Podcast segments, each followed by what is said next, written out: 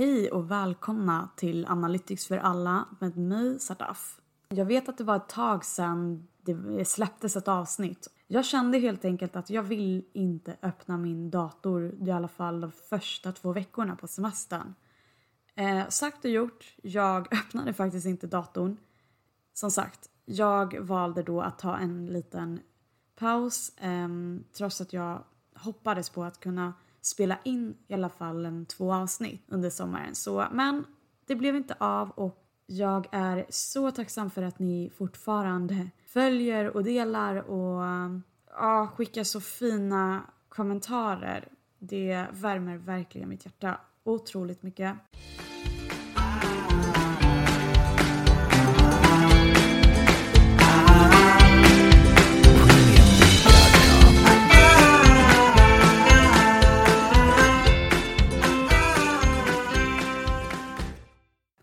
Dagens avsnitt handlar om 5G och vad är 5G och när kommer det till Sverige?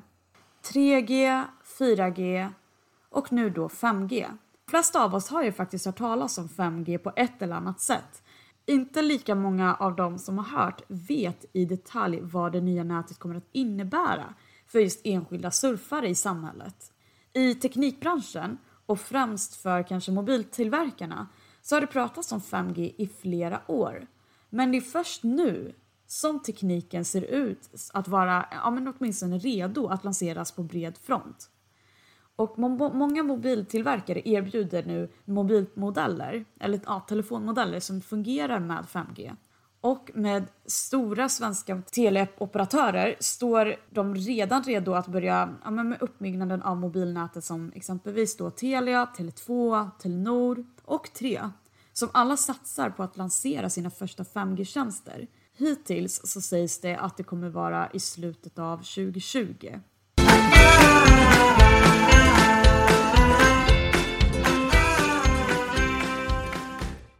I cirka 10 år har vi kunnat koppla upp oss mot 4G.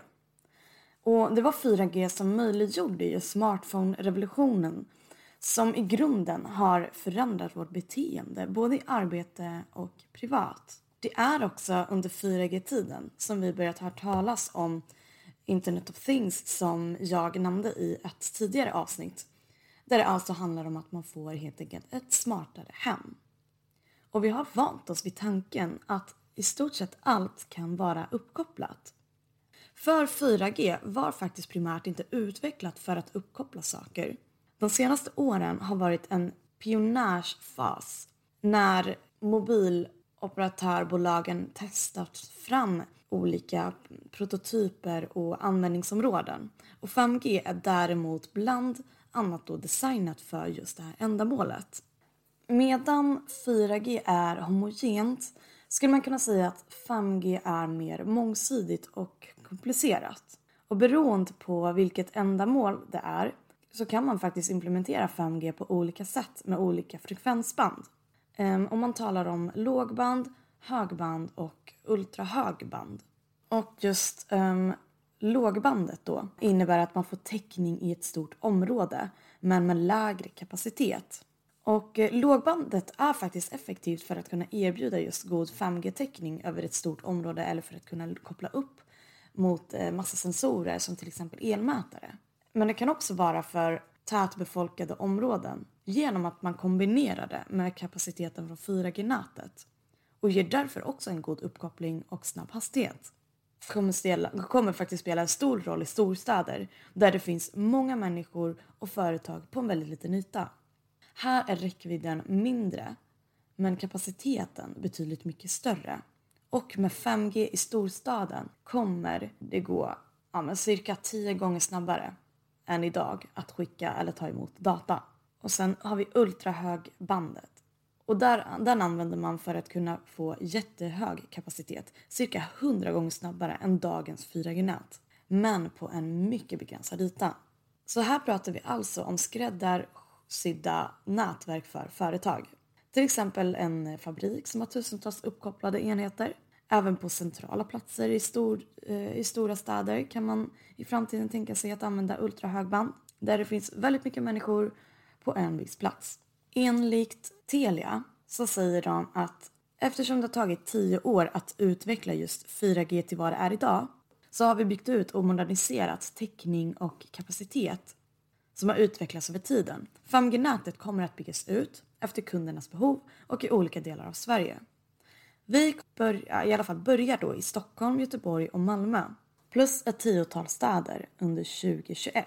Men när 5G-nätet är färdigt, det går inte att säga.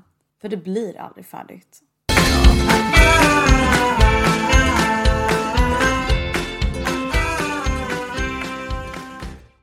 Några användningsområden då för 5G. Internet of Things. Det vill säga många prylar som kommer vara uppkopplade, eller rättare sagt då, ihopkopplade och sammankopplade. De kommer att kunna kommunicera med varandra i större mån än idag, vilket ger en större användarnytta. Olika samhällsfunktioner, vi kommer att eh, se en förändring mot mer flexibla, energisnåla och effektiva lösningar inom industri, sjukvård, ja, transport och kanske lantbruk, vilket gynnar både samhälle och individen. Jag hoppas att eh, det var ett givande avsnitt. Ni får fortsätta att mejla in till analyticsforalla.gmail.com Njut av det fina vädret och stay tuned tills eh, nästa avsnitt.